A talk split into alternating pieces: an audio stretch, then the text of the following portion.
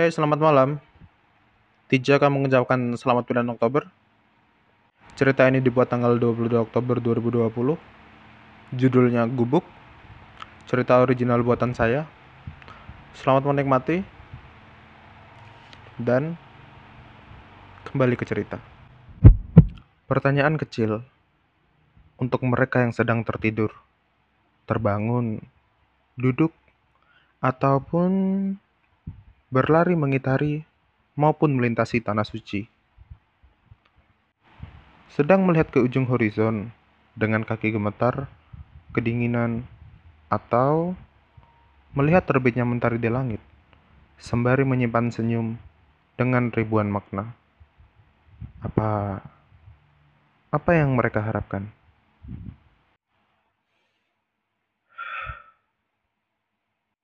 Tanah suci tak sepenuhnya berarti besar akhir-akhir ini. Tidak. Semua sudah sama saja dengan sekarang. Sejak pertama mereka menginjakkan kaki. Bau mesiu di mana-mana, bahkan butiran putih yang sudah beberapa bulan ini, beberapa kali ini, tak pernah sekalipun berhasil menyamarkan baunya. Atau hanya aku yang terus terbayang-bayang. Tanah suci tak sepenuhnya berarti besar akhir-akhir ini. Tidak. Bahkan hal tersebut sudah tak berarti sama sekali. Para malaikat seakan ingkar dan lalai akan tugasnya melindungi kami. Tanah tandus berwarna putih yang menghampar. Sejauh mata memandang, dihias dengan beberapa pinus dan cemara yang menusuk langit-langit. Namun, langit itu sendiri tak pernah tersadar. Seakan mereka diam dan termenung. Atau mungkin mereka sudah tak ingin mendengar kita lagi. Tanah suci tak sepenuhnya berarti besar akhir-akhir ini. Ya, aku sudah mengatakannya untuk ketiga kali. Bocah kecil yang hanya termenung di balik pondok tua yang reot, lantai yang dingin, dan perapian yang sulit betul untuk menyalakannya. Saat ini siang hari, dan kuusahakan tidak perlu memanaskan diri. Aku sudah tak pernah bersin lagi, meskipun baru dua hari ini. Tak begitu lama, tapi itu juga bukan waktu yang sebentar. Memang, dibanding dengan apa-apa yang akan kualami nantinya, dan yang sudah kualami sebelumnya, itu bukan waktu yang panjang. Namun, waktu yang telah kulalui untuk mendapatkan dua hari tersebut, semuanya memiliki arti dan bukan waktu yang sebentar pula. Terkadang, sedikit tidak mengerti aku tentang dongeng kelinci dan kura-kura. Sang kura-kura adalah penantang yang terkesan bodoh, naif, dan penuh akan kelemahan. Di satu sisi, sang kelinci yang begitu yakin nampak seperti sombong dan juga arogan. Pada satu titik, aku menyadari jika kelinci itu tak bersalah. Ia sadar akan apa yang ia lakukan. Ia sadar apa yang ia bisa namun, mungkin ia mengatakannya dengan cara yang salah. Aku tak mengerti apa yang dimaksud kemenangan dalam cerita tersebut. Bahkan, ia tak menipu siapa pun. Ia hanya memanfaatkan keadaan, berjalan melewati, dan membiarkannya tidur Apa apa yang ia banggakan ketika menang terhadap lawan yang bahkan sama sekali tidak melawannya? Sejak awal memanglah aneh. Daratan memang tempat yang begitu luas untuk berlari.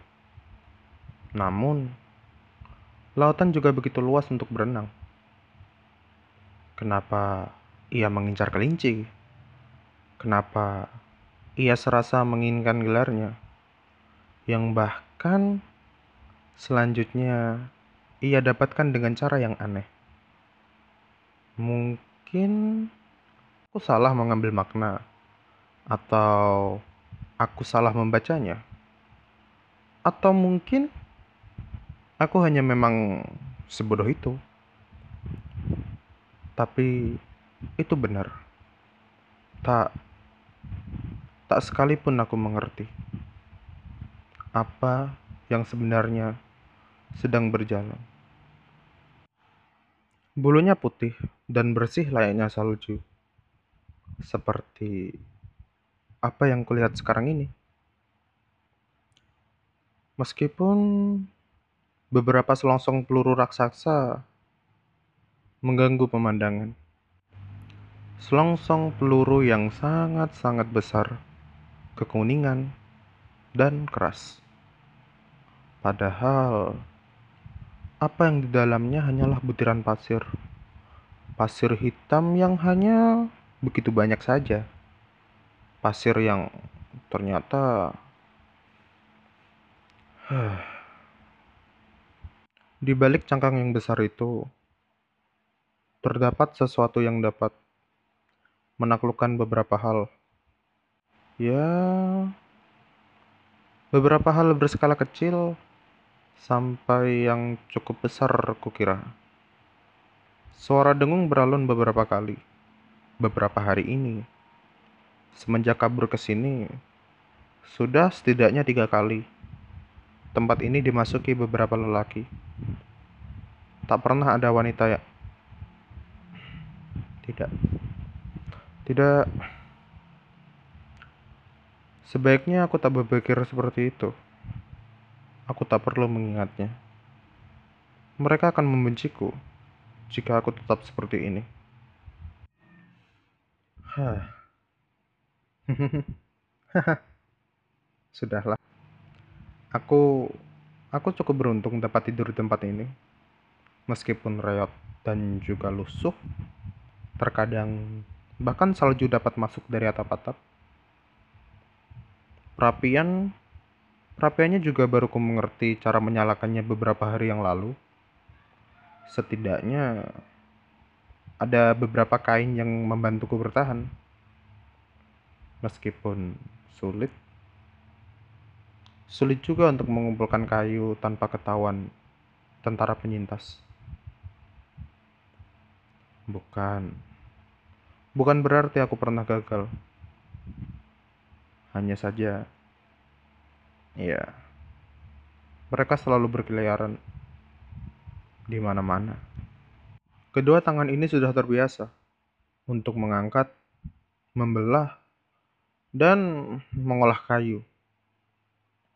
Mereka setiap hari hanya marah, marah, marah, marah lagi, dan marah. Meminta jumlah kayu yang banyaknya bukan main. Setiap hari. Aku tak begitu mengerti dengan sistemnya. Kenapa ada suatu sistem di mana seseorang harus mematuhi orang lain seumur hidupnya? Dan ku yakin itu bukanlah kontrak. Cap panas satu persatu mereka landaskan ke punggung orang-orang untuk memberi mereka tanda. Yang yang di mana mereka dapat melakukannya hanya dengan mengenali wajah tiap orang atau sekedar memberi seragam meskipun hanya dengan memanasinya kembali dan memberikan beberapa obat, salep, mandi, atau apalah dapat menghilangkan tanda tersebut. Entah apakah waktu akan memberitahu. Puluhan ribu detik yang sudah berjalan tiap harinya, terkadang begitu kikir untuk memberi jawaban. Kupikir seseorang tengah tersenyum dalam permainannya, tersenyum dalam formasi ratu dan kuda yang siap melakukan gerakan terakhir. Jahat. Lebih tepatnya, mereka tersenyum sejak awal. Tak ada yang peduli. Tak ada yang peduli mengenai langkah awal ataupun akhir. Ada yang namanya waktu dan juga ruang. Ruangan akan diisi oleh benda-benda yang berwarna-warni, beragam bentuk, dan esensi yang kontras maupun mirip satu sama lain. Sedangkan waktu itu sendiri diisi oleh gerakan, gerakan, dan hanya gerakan. Reaksi dari gerakan akan membuat benda saling bertumbuh dan menjadi sesuatu yang baru. Mungkin mereka menyebutnya hubungan timbal balik. Huh. Ekuivalen. Para alchemist sering kali menyebutnya ketertarikan akan suatu hubungan antara ruang dan waktu. Dengan asas ekuivalen tersebut, mereka menghasilkan beberapa benda hanya karena penasaran.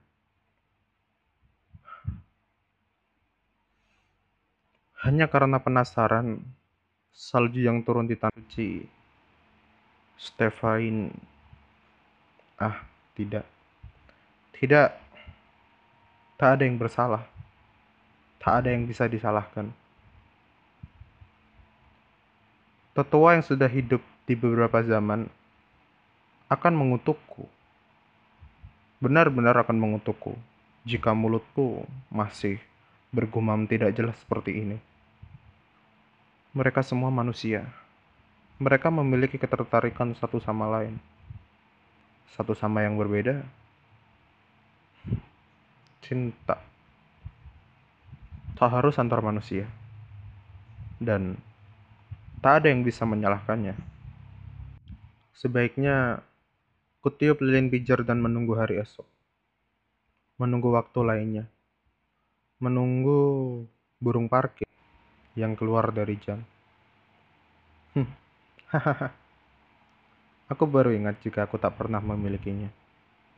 Seekor burung kecil burung parkit yang kecil. Aku bahkan burung yang bahkan hanyalah sebongkah kayu.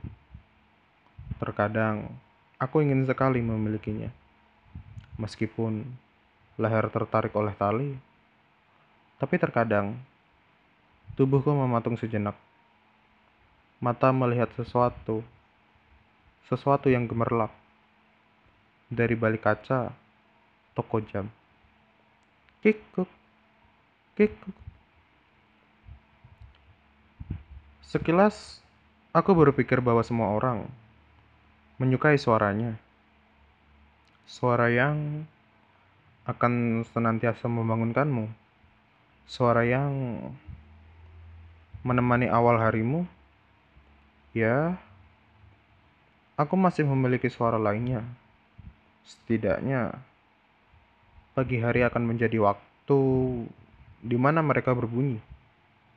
Bukan hanya berkukuk, bahkan suaranya akan bergema dan juga bergetar. Aku tak perlu menceritakan apa itu. Hah. Selamat malam.